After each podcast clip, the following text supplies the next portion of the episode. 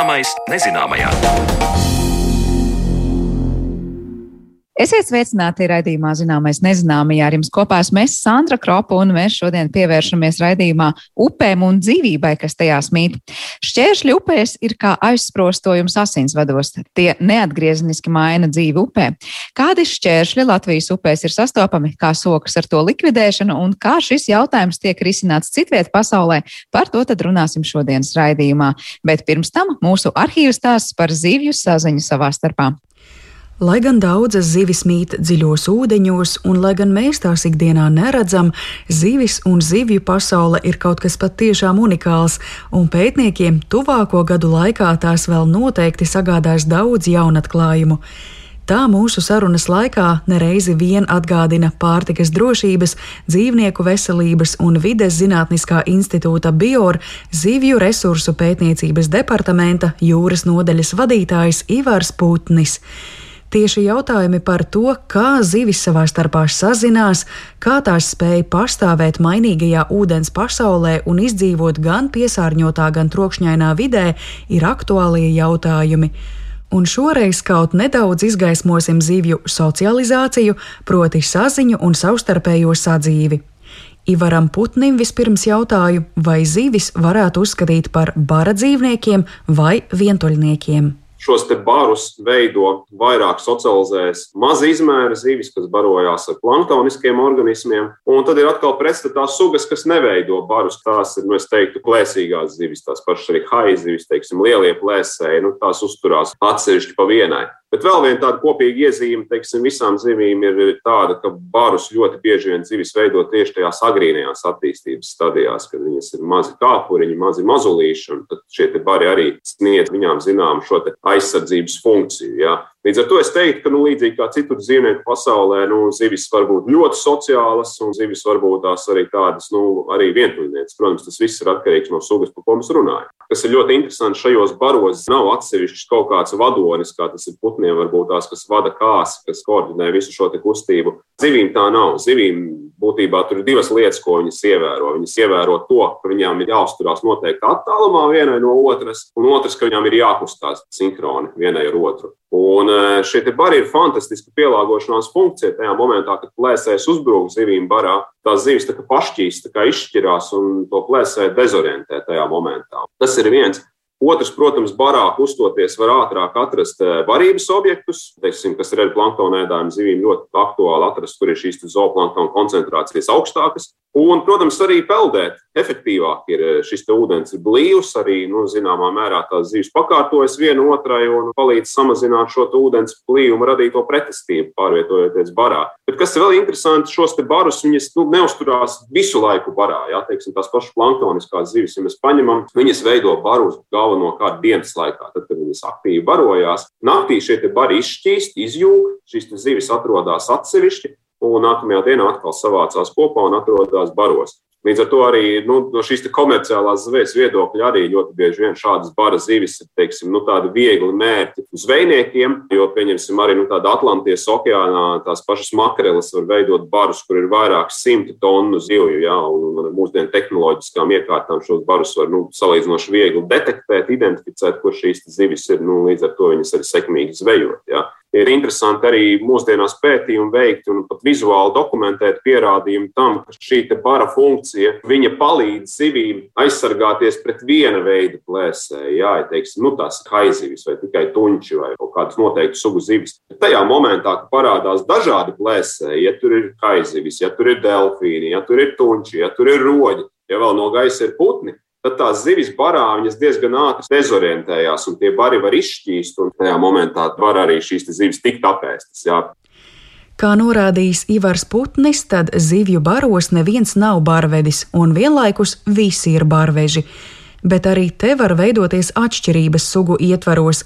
Piemēram, ir zivju sugas, kurām novērojami dominējošie tā saucamie alfa tēviņi, kuri nārsta periodā veido nārsta ligzdas, uzvedas agresīvi un cenšas atbaidīt citas zivis. Latvijā šādas sugas ir trīsadatu stagars, arī apaļais jūras grundulis. Bet kas interesanti, arī šādu sugu iekšienē ir tādi pundurtēviņi, kas it kā ārēji atgādina mātītes, un kas izmanto šo stratēģiju, lai veiksmīgi teiksim, nu, turpinātu savu genofondu. Plašveidīgām zivīm, arī vairākām citām zivju grupām tas ir novērots. Ir šie tā saucamie pundurtēviņi, kas diezgan sekmīgi iesaistās nārsta procesā, un šie lielie alfa tēviņi viņus nu, neuzskata konkurentiem, viņi uzskata tos par citām mātītēm. Es eh, līdz ar to arī gribētu mazliet pakavēties pie tiem eh, signāliem, ko zivis raida cita citai, lai kaut kādus vēstījumus nodotu.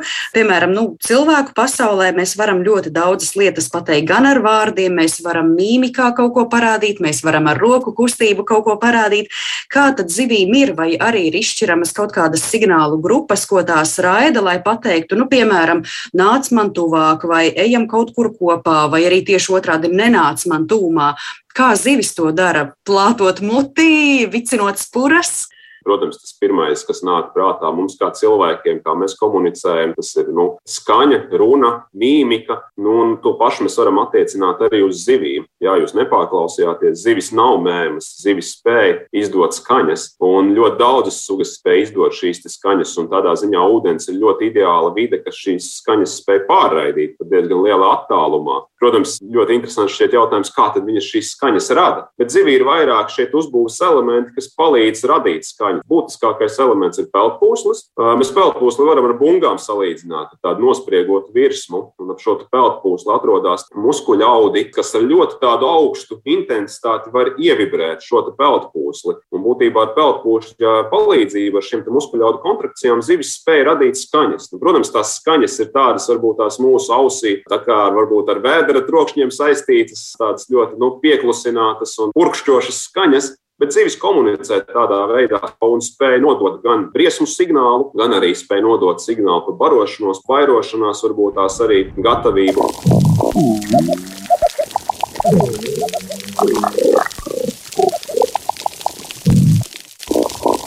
Otrs, protams, ir eh, arī nu, šis vizuālais ūdenī, īpaši tropiskajos reģionos, kur ir laba caurredzamība. Tur mēs redzam šīs krāšņās koraļu zivis, kur ir ļoti augsta krāsu daudzveidība.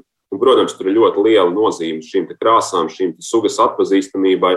Jo mēs kā ihtiologi smejamies, zivis patiesībā ir ļoti labi sugu noteicēji. Viņas ļoti labi spēj atpazīt vizuāli savas sugas īpašības un vizuāli identificēt. Un, un šis krāsojums, izskats ir viens, Un otrs arī ir šī uzvedība, arī ar uzvedību, ar savu ķermeņa valodu. Zivis var spēt paust savu noskaņojumu, teikšu tādu, gaidīt signālu, lai netuvojas viņām, tāpat tās aicināt tuvoties. Un kas vēl ir varbūt tā interesanti, mēs labi zinām, ka nu, ūdenī gaisma iespiežās līdz kaut kādam dziļumam, un dziļāk ir pilnīgi tums. Jā, līdz ar to nu, no šīm krāsām nu, nav liela nozīme lielākā dziļumā. Un tur jau parādās jaunas maņas, kas darbojās uz šo redzi. Un viena no tādām ļoti interesantām funkcijām zivīm, vairākām sugām ir šī bioluminescence, spēja emitēt gaismu ar speciālu šūnu palīdzību, kas ļauj no vienas puses gan atpazīt savas sugas īpašumus, gan arī piesaistīt šos te, nu, iespējamos barības objektus. Un tad pēdējos gados vēl ir tāda ļoti interesanta arī īpašība zivīm atklāta kā a, fluorescence. Un kā tā fluorescence darbojās? Fluorescence darbojās tā, ka, teiksim, nu, ūdenī iespiežās gaisma, visbiežāk tas ir zilais gaismas spektrs, kas vislabāk ūdenī dziļāk iespiežās. Un zivis, kurām ir šī fluorescence, ir noteiktas molekulas, kas spēj šo zilo spektra gaismu pārveidot uz cita viļņa garuma, uz garāka viļņa garuma gaismu. Nu, cilvēks ar aci to neredz. Jā, tur vajag speciāls filtrs, kas noņem zilo apgaismojumu, pēc tam var redzēt šo emitēto fluorescento gaismu. Zivīm atsevišķām ir tīklenē šis filtrs dabiski izveidojies, Un dabā tas izskatās tā, ka zivis uztver zilo gaismu, un no ķermeņa izdala varbūt tās neona zaļu krāsu, oranžu krāsu, sarkanīgu krāsu, dzeltenīgu krāsu, un, teiksim, ļoti intensīvā skalā. Ja? Un tad, kad pētnieki pirmo reizi to pamanīja, viņi kā kuriozi to uzskatīja. Viņiem likās, ka kolēģis kāds mēģina izjokot viņus, un Photoshopā ir labi pastrādājis un šo video pārveidojis. Bet beigās izrādījās, ka šī ir fantastiska spēja, kas palīdz zivīm atpazīt savas sugas īpatņus un orientēties lielākā attālumā arī. Un tas tiešām nu, tāds nu, mazā sensācija ihtioloģijā, es teiktu, pēdējos gados šī fluorescences spēja zivīm. Pagājušajā gadā izrādījās, ka pat arktiskajos ūdeņos pirmā suga tika atklāta, kurai šī fluorescences spēja ir. Un vienmēr šī komunikācija ir jāsaprot, ka tur ir tāda izšķiršanās. No vienas puses, tu gribi būt redzams, būt saredzams, no otras puses, tu gribi būt pasargāts. Jā? Līdz ar to arī nu, lielā mērā mēs varam teikt, ka šī plēsonība, šis risks tikt apēstam, aktīvi komunicējot, ir tas, kas varbūt tās bremzē zivīm būt vēl skaļākām, vēl pamanāmākām. Ja? Tāpat kā signālu raidīšanas mehānismi ir dažādi, daudzveidība vērojama arī tajā, kā zivis spēj impulsus uztvert. Neparastās parādības fluorescences gadījumā zivīm palīdz pielāgotas acu tīklenes, kas var atsijāt konkrētu gaismas spektru. Pieminētais peldpūslis ne tikai raida skaņu, bet arī palīdz to uztvert, jo ūdens var ievibrēt peldpūsli. Ūdens labi pārraida vibrāciju, un zivīm to palīdz uztvert arī uz ķermeņa esošā sānu līnija un dzirdes kauliņi otolīti. Tā kā ikdienā mēs sakām, ka zivīm ausu nav, bet skaņu zivis uztver ļoti labi. Vēl zivīm piemīt elektrorecepcija. Tas spēj gan raidīt, gan uztvert elektriskos impulsus, un ūdens te atkal palīdz, jo tas ir labs elektrovadītājs. Elektrorecepcija palīdz zivīm barības objektus atrast pat pilnīgā tumsā un duļķainā ūdenī. Un kā vēl viens saziņas veids ir jāmin ķīmisko signālu, jeb feromonu izdale un uztvere. Tās ir kā smaržu molekulas, kas palīdz orientēties vidē.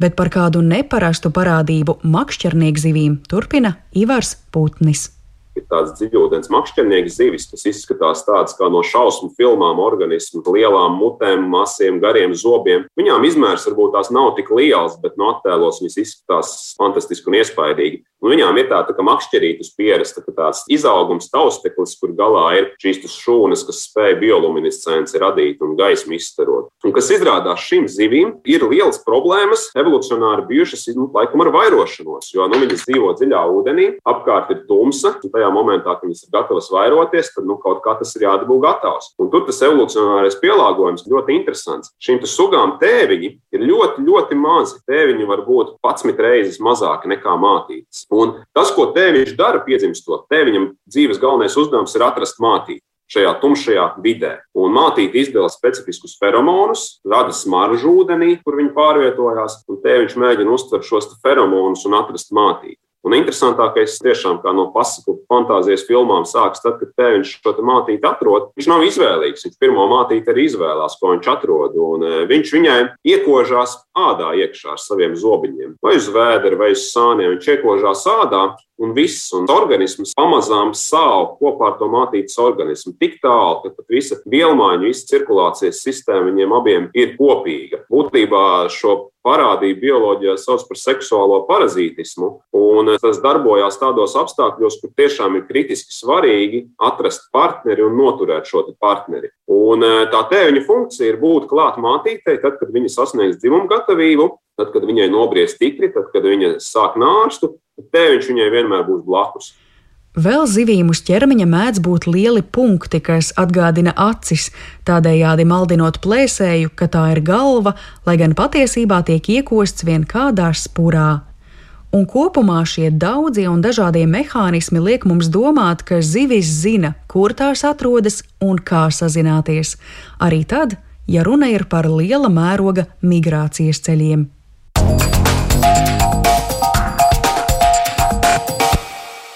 Tik tālu Mariona Baltkalna par to, vai zivis ir sociāli dzīvnieki un kā tās sazinās, bet raidījuma turpinājumā pievēršamies šķēršļiem mūsu upēs.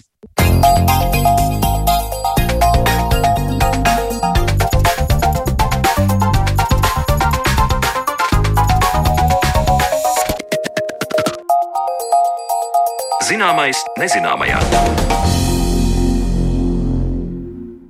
Mūsu upes ir kā liela asinsrite, kas plūsta mūsu ainavā un palīdz uzturēt veselu vērumu dažādu ekosistēmu. Taču līdzīgi kā cilvēka asinsvados parādās aizsprostojumi, šādi trombi sastopam arī upēs. Caurteces traucējumi rada ķēdes reakciju un dzīve upēs un to krastos krietni mainās. Turpmākajās minūtēs mēs pievērsīsimies aizsprostimu upēs un tam, kā tie ietekmē bioloģisko daudzveidību un dzīvi šajās ūdenstilpēs. Un tāpēc es sveicu studijā Zinātniskā institūta bio Laboratorijas zivju resursu pētniecības departamenta vadītāja Dīdze Uztupa. Labdien! Labdien!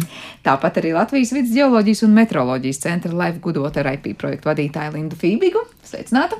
Sveiki! Kā arī Pasaules dabas fonda Latvijā Baltijas jūras un saldūdens programmu vadītāju Magdu Jengenu. Labdien! Labdien!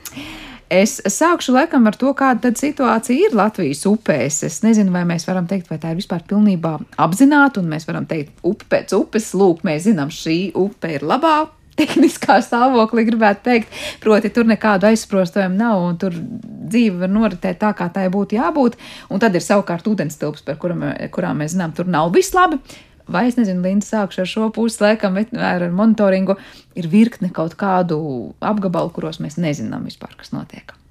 Nu, teiksim tā, ir uh, valsts monitoringa tīkls, uh, respektīvi lielākās upes un lielākie ezeri, kuros tiek regulāri veikts monitorings. Par šīm vietām un posmiem mēs vairāk vai mazāk zinām. Mēs ņemam paraugus, liekam uz uh, analīzēm laboratorijās, un ar šo daļu mums vairāk vai mazāk viss skaidrs. Vēl ir šī daļa, kur mēs runājam par upi, vai viņa tiešām brīvi plūst, un to mēs varam redzēt, kā vai nu ejot dabā, apsekojot, vai mēģinot atrast kaut kādus uh, ortofoto pierādījumus, cik brīvi tas ir. Un, un šis laikam varētu būt tas viens no lauciņiem, kas valsts monitoringa tīklā pieklibo mazliet vairāk, jo vienkārši cilvēkiem jau nav tik daudz resursu aizbraukt uz visurienu un visu apsekot un piefiksēt, un pēc tam galu galā ar to visu cīnīties. Mēs esam uztaisījuši tādu lielu analīzi, novērtējumu par Latvijas upēm. Latvijas upes kopumā mums ir apmēram viena trešā daļa upes un arī ezeri labā ekoloģiskā stāvoklī. Un mazliet pārsteidzoši varbūt ir, ka lielāko daļu no tām, kurām ir kaut kādas problēmas, ietekmē tieši šie dažādi veidi pārveidojumi. Tātad cilvēku radītās būves, kuras mēs nevienmēr arī zinām, ka tur tādas ir līdz brīdim, kamēr mēs viņas nu, kā neieraugam. Didzi, es zinu, ka jūs pēdējā laikā institūtā esat arī pētījuši, apsakojuši konkrētas, man liekas, upes vai konkrētos eh, kilometros un posmos. Kā tu analizētu to, kāda ir tā situācija šobrīd, par cik daudzām upēm mēs zinām, tur ir vai nav tie aizsprosti? Mēs turpinām pētīt jau gadus daudzus, un arī turpināsim pētīt visas upes. Uh, laikam kaut kāds 19, 20 tūkstoši kilometrus, lai arī cik mēs čakli būtu, mēs nevaram nostaigāt, nevaram. Tāpēc ņemam vērā dažādas uh, attālinātas iespējas, modelējam, uh, pētam. Uh, pāris gadus atpakaļ mēs pabeidzām upju sarindošanu pēc, tā, pēc to nozīmīguma, skatoties tieši no zivju skata punkta. Mēs nosaucām tās svarīgākās upes, kas ir pašlaik, un mēs nos, saucam arī tās, kas tad varētu būt tās pašas svarīgākās. Tur liela pārsteiguma nebija. Tās ir, protams, mūsu lielās upes, un arī mēs zinām, kur tad ir uz lielām upēm arī lielie šķēršļi. Uh, tas, ko mēs tagad darām tālāk, uh, mums ir tāds neliels projektiņš, kurā mēs esam apsolījuši uh, apkopot informāciju par 60 šķēršļiem, ļaunākiem šķēršļiem, kurus tad kuros tad būtu iespējams kaut ko arī reāli izdarīt un piedāvāt arī risinājumu dažādus veidus. Sākot no nojaukšanas, vai tāds zivju ceļš, vai kaut kāda daļēja nojaukšana, un aptuveni cik tas varētu arī maksāt. Bet kas tie ir par šķēršļiem? Tie ir tātad kaut kādi veci dambļi, tās ir kaut kādi mazie hesi, vai tas vispār ir kaut kāda aizbērta kaut kāda vieta, kas sagādā grūtības? Tur ir visa buķete, es pat teiktu. Uh, Iepriekšējā projektā viens no skaļākajiem laikam, rezultātiem bija, kad mēs pateicām, no zivju skata punkta viens no ļaunākajiem šķēršļiem ir ventas rumba. Mēs nevienu brīdi neesam aicinājuši nojaukt ventas rumbu. Tā ir mūsu dabas bagātība, kultūra vēsture, un mēs ejam skatīties. Bet, ja mēs paskatāmies no zivju skata punkta, tad īstenībā kāpēc tad mēs braucam uz to ventas rumbu? Bieži mēs skatīties, kā tad zivs tur mocās atkal, kā tās vimbas tur lec un tā. Tieši tāpēc šī nākošajā solī mēs arī tēmējam pateikt šos 60, 70 reāli kustināmos šķēršļus. Un tur būs iekšā visdrīzāk gan mazie hesi, gan uh, dzirnavu dīķi un dažādi saimnieciski, nesaimnieciski šķēršļi. Pirms jautāt par to, kas notiek tajā upē, tad, kad ir tas šķērslis tur uzradies, nu, līdzīgi kā mēs jau sarunas sākumā teicu, salīdzinām mūsu asinsritu un asinsvadus, un tad mēs zinām, ko nozīmē, ja tur ir kāds tromps un aizsprostojums. Es gribēju Magnai, Magdai jautāt, kā ir, es nezinu, par Latviju kāds komentārs vai arī pasaules kontekstā, kas notiek ar upēm, kurās ir šķēršļi un cik daudz mums ir tādu piemēru. Jā, pasaulē situācija nav diezgan labāka. Eiropa ir ļoti sadrumstalota. Eiropā ir vairāk kā miljons šķēršļu uz upēm. Um, Tie jau tiek nojaukti daudzās valstīs. Šī kustība tiešām ir sākusies. Amerikā jau šķēršļus jau vairāk kā simts gadus. Um, un tā, tā kustība ir, ir būtiska. Tas ir jāveic arī Latvijā. Man ir prieks, ka tas ir sācis kustēties uh, visā Eiropā. Bet nu, jā, situācija nav diezko labāka citvietā Eiropā kā Latvijā. Uh, ir tāds piemērs par um, Amazonu. Man šķiet, ka tur tikko ir uh, dambis bijis un uzpludinās, ir radušās tādas ļoti daudzas saliņas patiesībā Amazonē. Tur liktos, ah, oh, skaisti no augšas arī izskatās ļoti interesants veidojums, bet cik patiesībā ekosistēmai tur ir grūti tādās ļoti, ļoti pat par kilometru mazākās daudzās saliņās, proti, ka tur tā bioloģiskā daudzveidība krietni samazinās. Kā ir ar to vietu, nu tikko ir kaut kādā upē izjaukta tā visa kopējā ekosistēma, kādas sekas tas tālāk rada? Protams, par to, kas ir skaisti, tas ir ļoti subjektīvs jautājums. Um, kādam tas uzpludinājums tiešām liekas skaists, stāvošs ūdens, um, dīķis, ezers, bet um, vai dabai tas ir labi? Protams, ka nē. Mums ir jāsaprot, ka šīs ekosistēmas, upju ekosistēmas ir veidojušās miljoniem gadu laikā. Un mēs nevaram pēkšņi uzbūvēt aizsprostu, apstādināt šo ūdeni, kas ir tecējis, kam ir būtiski tecēt. Tas netek mūsu prieka dēļ vai zivju prieka dēļ, tam tā ir jābūt principā. Un tur ir ļoti daudz sarežģīti procesi, kas notiek tajā mirklī, kad ūdens tek. Gan mēs runājam par barības vielu transportu, gan par zivju migrācijas ceļiem, gan par nogulumu transportāciju. Tas ir viss, kam ir jānotiek, un mēs to apstādinām. Un mēs pēkšņi uztaisām šo upi par ezeru, principā, vairāk, iespējams, vairāk kilometru garumā. Un, protams, ka daba tam nevar pielāgoties. Tas aizņem tūkstošiem un miljoniem gadu, lai daba pielāgotos šīm izmaiņām. Tad var teikt, šobrīd pasaules kontekstā mums ir daudz tādi skaļi piemēri, kuros mēs varam teikt, nu, tie sliktie piemēri, kas notiek tad, ja šī upe ir izmainīta, vai tur tas aizsprosts ir veidots, un pēc tam tās sekas ir diezgan uh, dramatiskas. Sākšu ar to, kas notiek tajā brīdī, kad upē ir šis nezinu, traucējums, aizsprosts, nu, tas tecējums tiek apturēts. Nezinu, kuram jautājumam sākšu ar Lindu, varbūt. Nu, tad, kas tieši mainās, un Magda jau mazliet ieskicēja, bet droši vien ir kāds plašāks komentārs. Jā, es principā varu pateikt, ka tas, ko Magda saka, tā arī ir. Mums mainās tātad apturam dabisko upes eh, tecējumu, mums mainās uh, vide augšpus.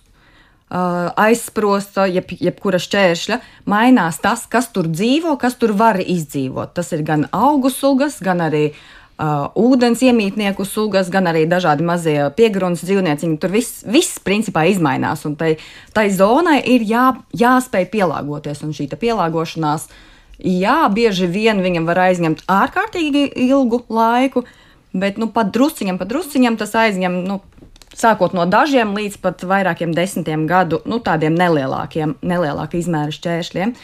Otra lieta, atkarībā no tā, kāda veida šķērslis šis ir. Mēs runājam par vienkārši, pieņemsim, kaut kāds aizprostojums vai, vai uzbūvēts šķērslis pa vidu, kur tek ūdens pāri vai cauri. T tas būs viena veida izmaiņas.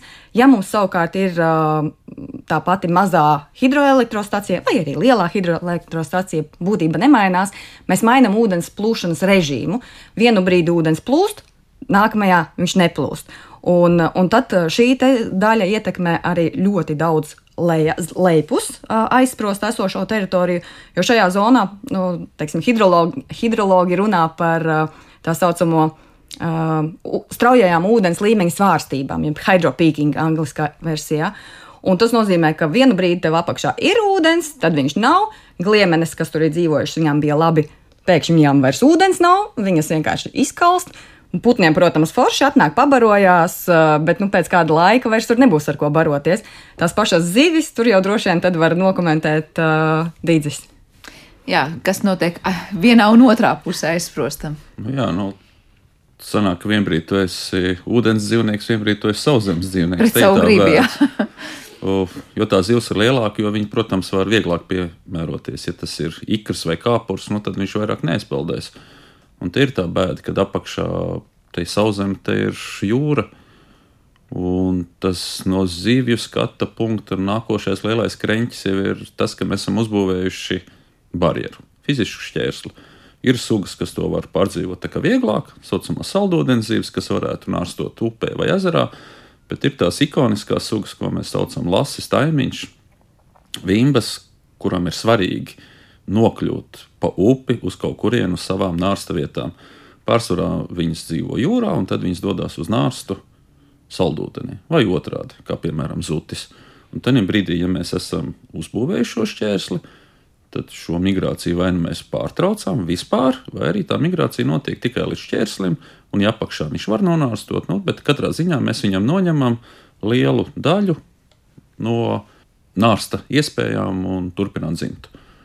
Tas, ko mēs arī esam sarēķinājuši, mēs redzam, ka šie šķēršļi, dažādi šķēršļi, gan saimnieciskie, gan nesaimnieciskie, ir būtiskākais faktors, kas ietekmē zivju populācijas mūsu upēs. Mēs apskatāmies, kas tur notiek tagad. Tie ir aptuveni 34% no tā maksimālā potenciālā. Cik tad zivis varētu būt un cik ir tagad? Ja mēs novāktu visus šķēršļus, sapņojam lieli, novācam visus šķēršļus, ieskaitot Rīgas heisus un tādu, Mēs to neaicinām, bet mēs sapņojam. Un tas šis uh, tikai novācot šķēršļus, daudzums palielinātos uz 65%. Kā to ir iespējams noteikt, tagad modulējot uh, un nonākt līdz 65%? U, mēs iepriekšējā projektā aprakstījām katru upes kilometru ar dažādiem fiziskiem parametriem, uh, cik tad upe katrs kilometrs ir piemērots uh, izvēlētajām sugām. Pārsvarā tās bija šīs ikoniskās ceļotāju sugas. Uh, Un tad mēs skatījāmies, kas tad ir realitāte. Un tad mēs noņemot no šo šķēršļu, pieļaujam, ka atkal viss kļūs tik labi, cik vien varētu būt labi. Un tas ir matemātisks vingrinājums, kurā mēs beigās iegūstam šos novērtējumus. Par katru kilometriņu, saskaitot katru kilometriņu virs un zem, tad mēs iegūstam šo atšķirība. Bet cik daudz zivis ir tās, kas spētu un ārstot nu, līdz tam aizsprostam, līdz tam hesam, piemēram? Tur vienkārši ir nepiemērotas dzīvotnes, tur ir nepiemērota apstākļi, vai tai zivī vajag to savu dzimto, es nezinu, vietu, kas varbūt atrodas tālu aiz tā aizsprosta. Vai, laikam jau tas nu, angliskais termins ir homings, tas homings visvairāk izplatīts ir lasim. Arī Igaunijas piemēra rāda, ka ziemeļos novācot nelielu dambīti salīdzinoši nelielā upē Lasis to nesaprata. Viņš vēl vairākus gadus turpināja nārstot tajā pašā vietā, tur, kur viņš bija, un zinātnieki lašu mazuļus neatrada uz augšpusi no dāmbja. Iespējas bija, bet Lasis to nezināja. Turpretī taimiņš saprata jau nākošā gadā, un zinātnieki jau nākošā vasarā redzēja, o, šeit ir mazie taimiņi. Tā kā tas ir ļoti atkarīgs no sugas un uh, gadu gaitā, tā kā Magda teica, tas nav īsts laika leciens. Tur ja mēs esam izaudzinājuši tādus, tādas zivis, kas nāsto citur, nu tad dabiski to ir laika gaitā. Tas nenotiek ātri. Protams, mēs atkal varam palīdzēt, nezinu, uzvest augšā, pateikt, lasim, lūdzu, šeit ir tava jaunā dzīves vieta. Bet te jau atkal ir tas etiskais un filozofiskais. Ja mēs gribam atjaunot upi par dabisku, nu, tad mēs visdrīzāk arī gribam, lai viss notiek dabiskā ceļā. Magda, kādi ir tie līdzinējie centieni aiznest tās zivis un pateikt, lūk, šeit ir tava jaunā dzimtene? Um, es nezinu, varbūt Digim ir kaut kāda aktuālāka data, bet, ja es nemaldos, tad zivju ceļi ir starp 5 un 15% efektīvi. Nu, zivis var pārvarēt zivju ceļus. Diemžēl man liekas, ka piemēri nepierāda tos kā ļoti efektīvu risinājumu. Un, ja mēs domājam, ka mēs, tērē, nu, mēs tomēr tērējam diezgan daudz naudas, lai šādas izbūvētu, tad tas, manuprāt, un arī Pasaules dabas fonda viedoklis ir, ka tas nav labākais risinājums. Mēs tomēr atzīstam aizsprosta nojaukšanu, ja tāda opcija ir, kā vislētāko, visefektīvāko un visātrāko veidu, kā atjaunot ne tikai upes ekosistēmu, bet arī šīs te, um, zivju populācijas divi īsi piemēri tepat no Latvijas. Uh, divi zivi ceļi. Viens ir dabiskais Rīgas upē. Mēs uzbūvējam apkārt šķērslim. Nevienam nevajadzīgam šķērslim. Beigās tomēr izrādījās, ka visiem kafe, vajadzīgam. kafejnīcā ir viņš vajadzīgs, veidojas ūdenskritums un karbonāts ēdāja pa logu, skatījās, kā atkal zīves mocās, ūdens krīt. Tāpēc mēs dambi nevarējām nojaukt. Uzbūvējām apkārt dabisku upīti, un tas, ko mēs esam redzējuši, šis uh, dabiskais zivju ceļš, upīte strādā. Uh, Šogad, pagājušajā gadā mēs redzējām, jā, ir taimiņi parādījušies vairāk augšā. Daži taimiņi pirms tam varēja pārlekt, tagad daļa pārlec, daļa smuki apelt. Mēs redzam arī, ka nēģi ir palikuši vairāk. Tātad, ja viņš ir pareizi uzbūvēts, dabiskais zīveceļš, upīte, viņš der daudzām sugām. Ja ne visām, tad vairākām. Otrs piemērs ir līgatne, kur mūsu uzbūvēts tā saucamais tehniskais zīveceļš un tas plus mīnus dar tikai taimiņiem. Jā, mēs redzam, ka taimiņš tiek augšā, un tas viss notiekās. Citas sugas netiek. pilnīgi piekrītu Magdai. Labākais, lētākais līdzeklis ir nojaukšana, bet atkal pieslēdzās sociālo-ekonomiskie, kultūra vēsturiskie faktori. Un... Kas neļauj to darīt. Jā. Kāda ir tā šobrīd situācija Latvijā? Cik daudz ir no tiem apzinātajiem šķēršļiem tādi, kur mēs varam teikt, nu tur ir tikai tā kultūra vēsturiskā nozīme, vai tā ir vērtība, nezinu, konkrētai kafejnīcē, kas skatās ainaviski kā zīves mocās, sauksim izstēlējās vārdos, bet uh, tas ir absolūtais vairums mums no tiem nu, nevajadzīgajiem vecajiem To var uzzināt, un tā liekas, Magdē arī piemērs no alūksnes puses. To var uzzināt tikai tad, kad tu sāc to kustināt. Līdz šim tev liekas, viņam neviens nav vajadzīgs. Tas šķērslis vispār stāv meža vidū un nekas.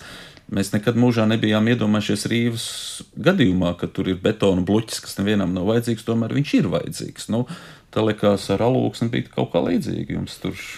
Es Kas jau gribētu teikt, ka visi dzirnaudīķi ir uh, tikai kultūra vēsturiski vajadzīgi, jo mums nevajag tos dzirnaudītus, nu, upēm nevajag tos dzirnaudītus, kas mums ir palikuši. Un, jā, alūksnē mēs uh, izvēlējāmies bejas aizsprost, kas arī ir vecs dzirnaudītis, um, nojaukt, jo tas ir bez īpašnieka aizsprosts. Um, tas tiešām šķiet, ka nav nevienam vajadzīgs. Un uh, varētu būt kā labs piemērs, uh, tiešām tāds pirmais tāda apjoma aizsprosts, ko, ko nojauts Latvijā. Uh, Bet, protams, parādās vietējie iedzīvotāji, kam tas šķiet uh, svarīgs. Tāpēc, kad arī jā, 60 gadus šeit dzīvoju, 60 gadus man šeit ir bijis aizsprosts, un tas man ir tūs, un man patīk šis aizsprosts. Pat ja tas aizauga ar zilaļiem, pat ja ūdens kvalitāte ir diezgan drausmīga, un, um, bet tomēr kādam tas ir vajadzīgs. Kas notiek tādos gadījumos? Tajā brīdī ir jāņem vērā visu vietējo iedzīvotāju vēlmes un jā jā, jāaptur tas projekts, vai tomēr tajā brīdī nav īpašnieki jaucam nost? Labā praksa, protams, ir um, sarunāties ar visiem vietējiem iedzīvotājiem, sevišķi tiem, kas dzīvo apkārt, uh, bet par rezultātu vēl ziņošu. vēl ir procesā. Linda, kāda ir piebildes par to, cik daudz mums ir šo objektu Latvijā, kur varētu teikt, nu, varbūt tiešām tas nevienam nav vajadzīgs, bet tos nojaucot mēs gan lētāk, gan efektīvāk, nu, padarīt tās upes dabiskākas un pieejamākas pašiem tiem, kas tajās dzīvo? Nu, šo ir diezgan grūti atbildēt, jo, kā Digis saka, pilnīgi visu jau nevar apsekot, un tad, kad tu pieķeries klāt, tad tu arī redzi to reālo rezultātu. Bet no tiem visiem šķēršļiem, aizsprostiem, kas ir uzskaitīti, kur ir Latvijā šobrīd vismaz vairāk kā 1200, ļoti lielai daļai nav oficiāla īpašnieka. Um, visslavenākais droši vien latviešu čērslis varētu būt Staicels aizsprosts, kas ir gan reģistrēta gan uh, zemes grāmatā, kā būve, un kurai ir arī īpašnieks.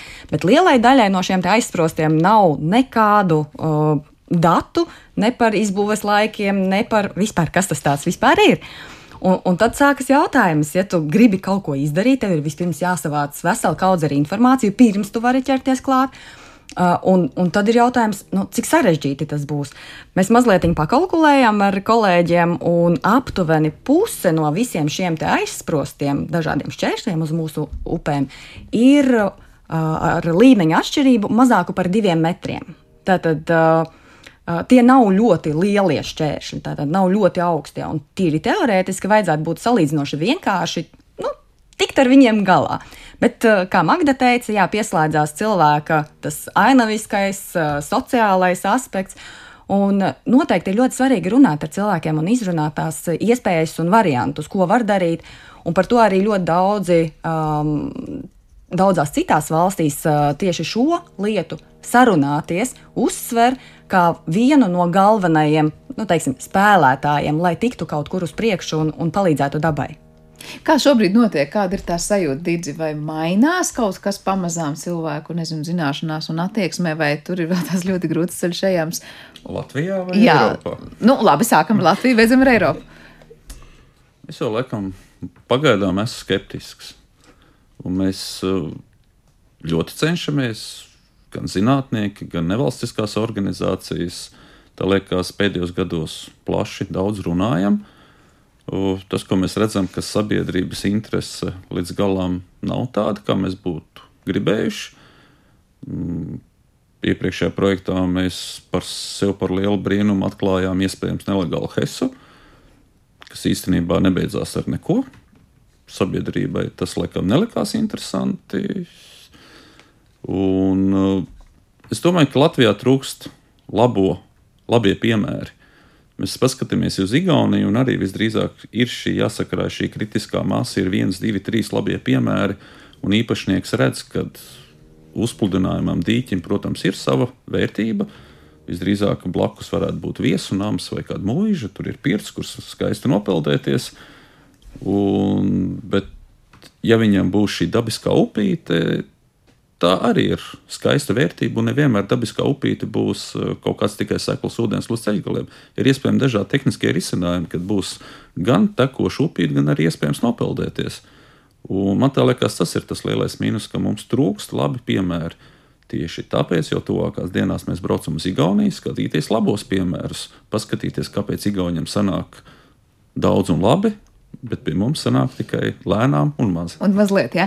Bet, bet tas zināšanu viens ir trūkums, otrs kaut kāds vērtību, arī orientācija ir atšķirība. Nu, piemēram, pieminētais stāsts par konkrēto rīvas upi, ja, kur liktos, nē, mums vajag konkrēti skaistu, varbūt kādam liekas, nu, mini ūdens kritumu, kur tur, es nezinu, skatīsimies, kas notiek.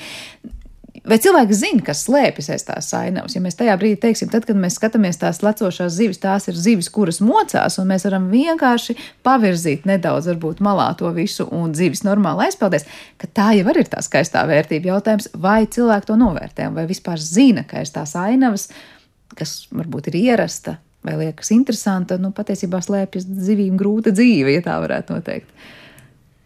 Magda vai Digi. Kurš... Grūti pateikt, ko cilvēku zina, ko nezina. Par cirku arī bija liels diskusijas, vajag vai nevajag. Nu, laikam, beigās nolēma, ka Eiropā nevajag īpaši, ka dzīvnieki tur cirkā.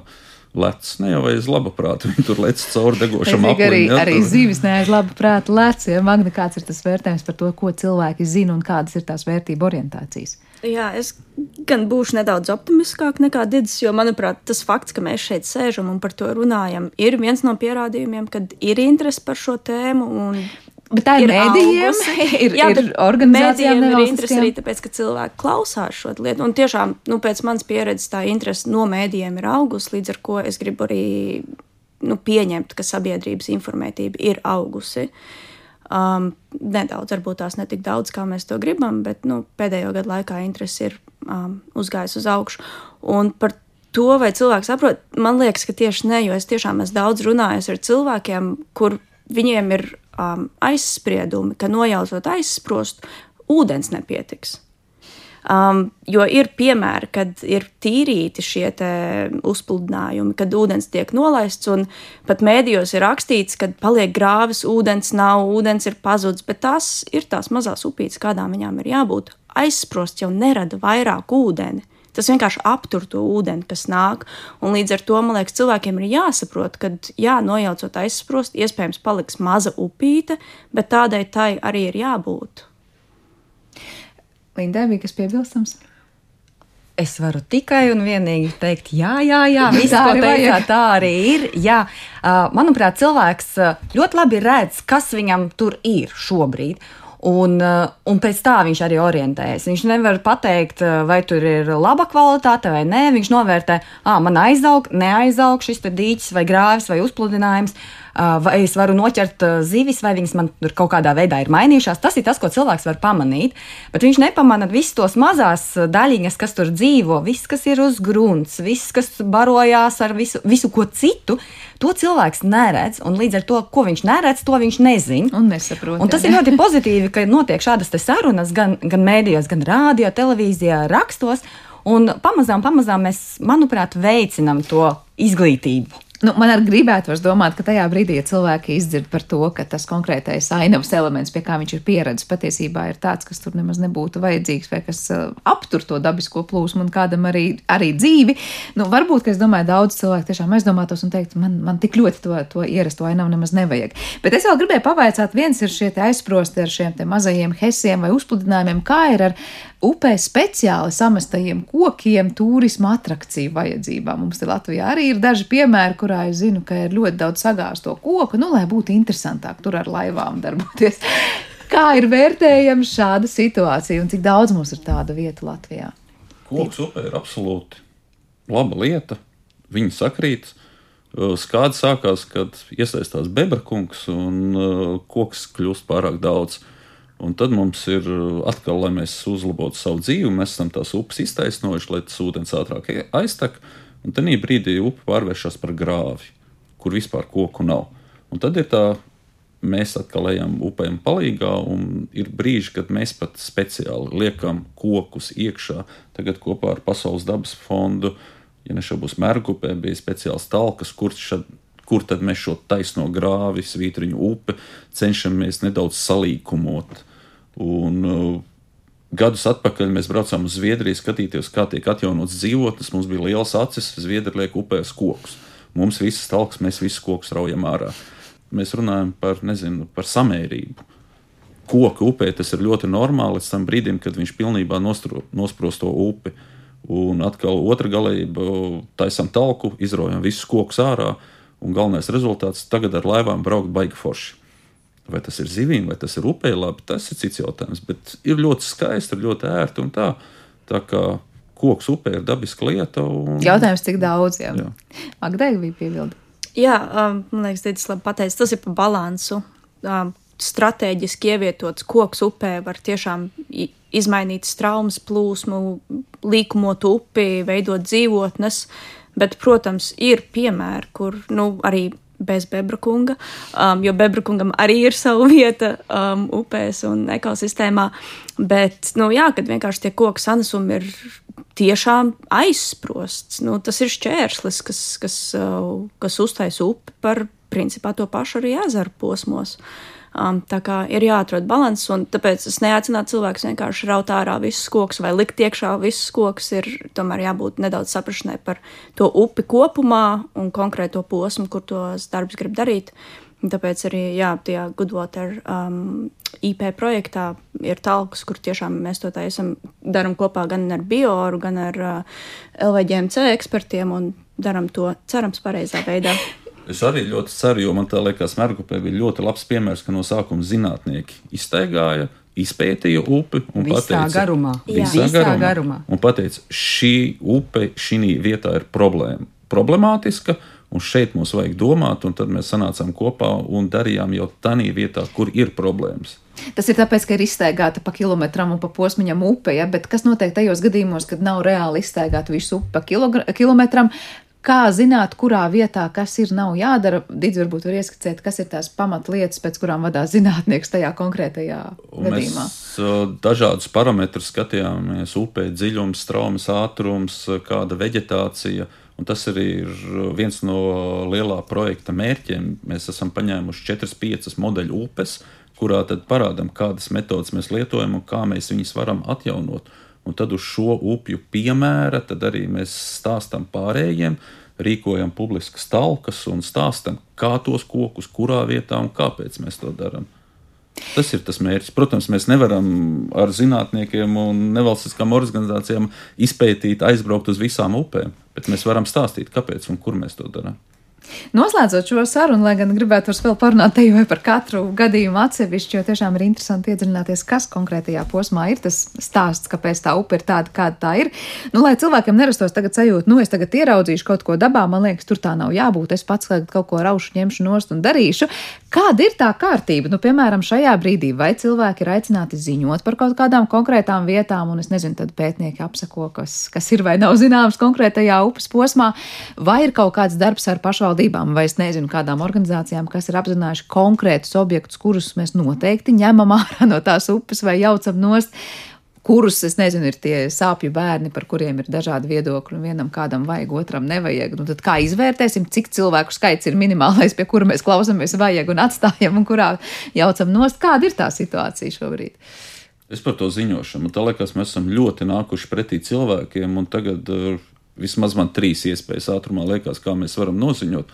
Sākot ar vides sos, ieraugam kaut ko nospiežam pogā, izziņojam, valsts vidas dienestam, uh, dabas datos arī tāpat kā mēs ieraugām jaunus putnus, sēnes vai ko, tāpat arī šķērsli mēs varam noziņot, un arī ar mangaļiem.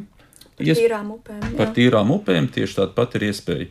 Mēs esam nākuši cilvēkiem pretī izvēlēties, ko jūs vēlaties, un dažādas. Un... Tad, tad paziņot mums iespējas noteikti ir. Kas notiek tālāk, kad cilvēks tagad ir izdomājis ar saviem, varbūt citiem aktīvistiem, mēs gribam no upes kaut ko izņemt, vai tā drīkst kāds pašrocīgi doties un kaut ko vilkt ārā? Ir bijis šī pelēkā zona. Protams, ja mēs gribam izvilkt vienu koku, tad tas ir darāms. Tiklīdz mēs gribam darīt to fundamentāli, tad jau ir nepieciešams, cik es saprotu, no valsts vidas dienesta tehniskie noteikumi. Uh, Un, uh, skatoties, ko mēs gribam darīt, tad arī tas ir, kādi papīri ir jākārto vai nav jākārto. Šķiet, ka tas ir mērogs, galvenokārt mērogs. Ja ir plānots izmantot lielu tehniku, tad pilnīgi noteikti vispirms valsts vides dienests, un tad jau tālākās darbības tiks pateiktas, ko drīkst, ko nedrīkst. Ja tas ir uh, pie, pie manas paša uh, ēkas zemes un kaimiņš neko nesaka, nu, neiebilst, respektīvi, ka es tagad nojaukšu tur tos uh, trīs uh, sanestos kokus, kas rada šķērsli un apludina uh, mūsu abu zemes. Tad visticamāk, tam pat nevajag nekādas atļaujas. Bet pie lielākiem darbiem noteikti ir gan nepieciešami atzinumi no speciālistiem par zivīm, par, par dažādiem biotopiem un, un tam līdzīgi, bet to noprecizē vienmēr valsts vidas dienests vai, vai ja ir kāda oficiāla būve, tad arī varbūt būv, būvvaldes iesaistās šajā procesā. Tā, tas ir saskaņojams process. Mhm. Jā, tieši tā, kamēr mēs darbojamies ar rokām, tikmēr tās atļaujas nav vajadzīgas, kā mēs iesaistām tehniku, ja pat motorzāģi, tad vajag valsts vidas dienas saskaņojumu. Un, jā, ja cilvēkam savā zemes īpašumā viņš ir uztaisījis ūdens kaut kādu aizsprostījumu ar akmeņiem, sakrāvis, lai ir peldvieta, tad, protams, cilvēks to pašu arī var nojaukt. Tagad saprotot, kādu sliktumu tas nodara tai upei. Um, bet, jā, kad ir uh, būvs, tad ir, protams, ir uh, pašvaldības būvvalde, valsts vidas dienests un eksperta atzinumi. Jā, nu, laikam liekas, gribētos domāt, ka mūsu visu kopīgā izpratne tikai un vienīgi augsts par to, kas notiek upēs, kāpēc tā ainava, kuru mēs redzam, ir tāda, kāda tā ir, ja tur ir šie uzlūdinājumi un aizsprosti. Un, tiešām varbūt padomājot, kā par asinsriti. Mums kā gribas, lai tie asinsvadi ir tīri un kārtīgi strādā, tāpat arī vēlēsim, lai upēs tās tā notiktu. Paldies jums par sarunu un atgādināšu, ka šajā raidījuma pusstundā mēs šeit bijām kopā ar Zinātniskā institūta bioru zivju resursu pētniecības departamentu vadītāju Dīdzi Uztupu, Latvijas vidas geoloģijas un meteoroloģijas centra Life Goodwater IP projektu vadītāju Lindu Fībigu, kā arī Pasaules dabas fonda Latvijā Baltijas jūras un saldūdens programmas vadītāju Magdu Jengenu. Ar to raidījums ir izskanējis, to producēja Paula Gulbinska par mūziku gādāja Girds Bišs, skaņu režijā bija Kristīna Dēle un studijā Sandra Kropa. Mēs tiekamies rīt šajā pašā laikā. Vislabāk!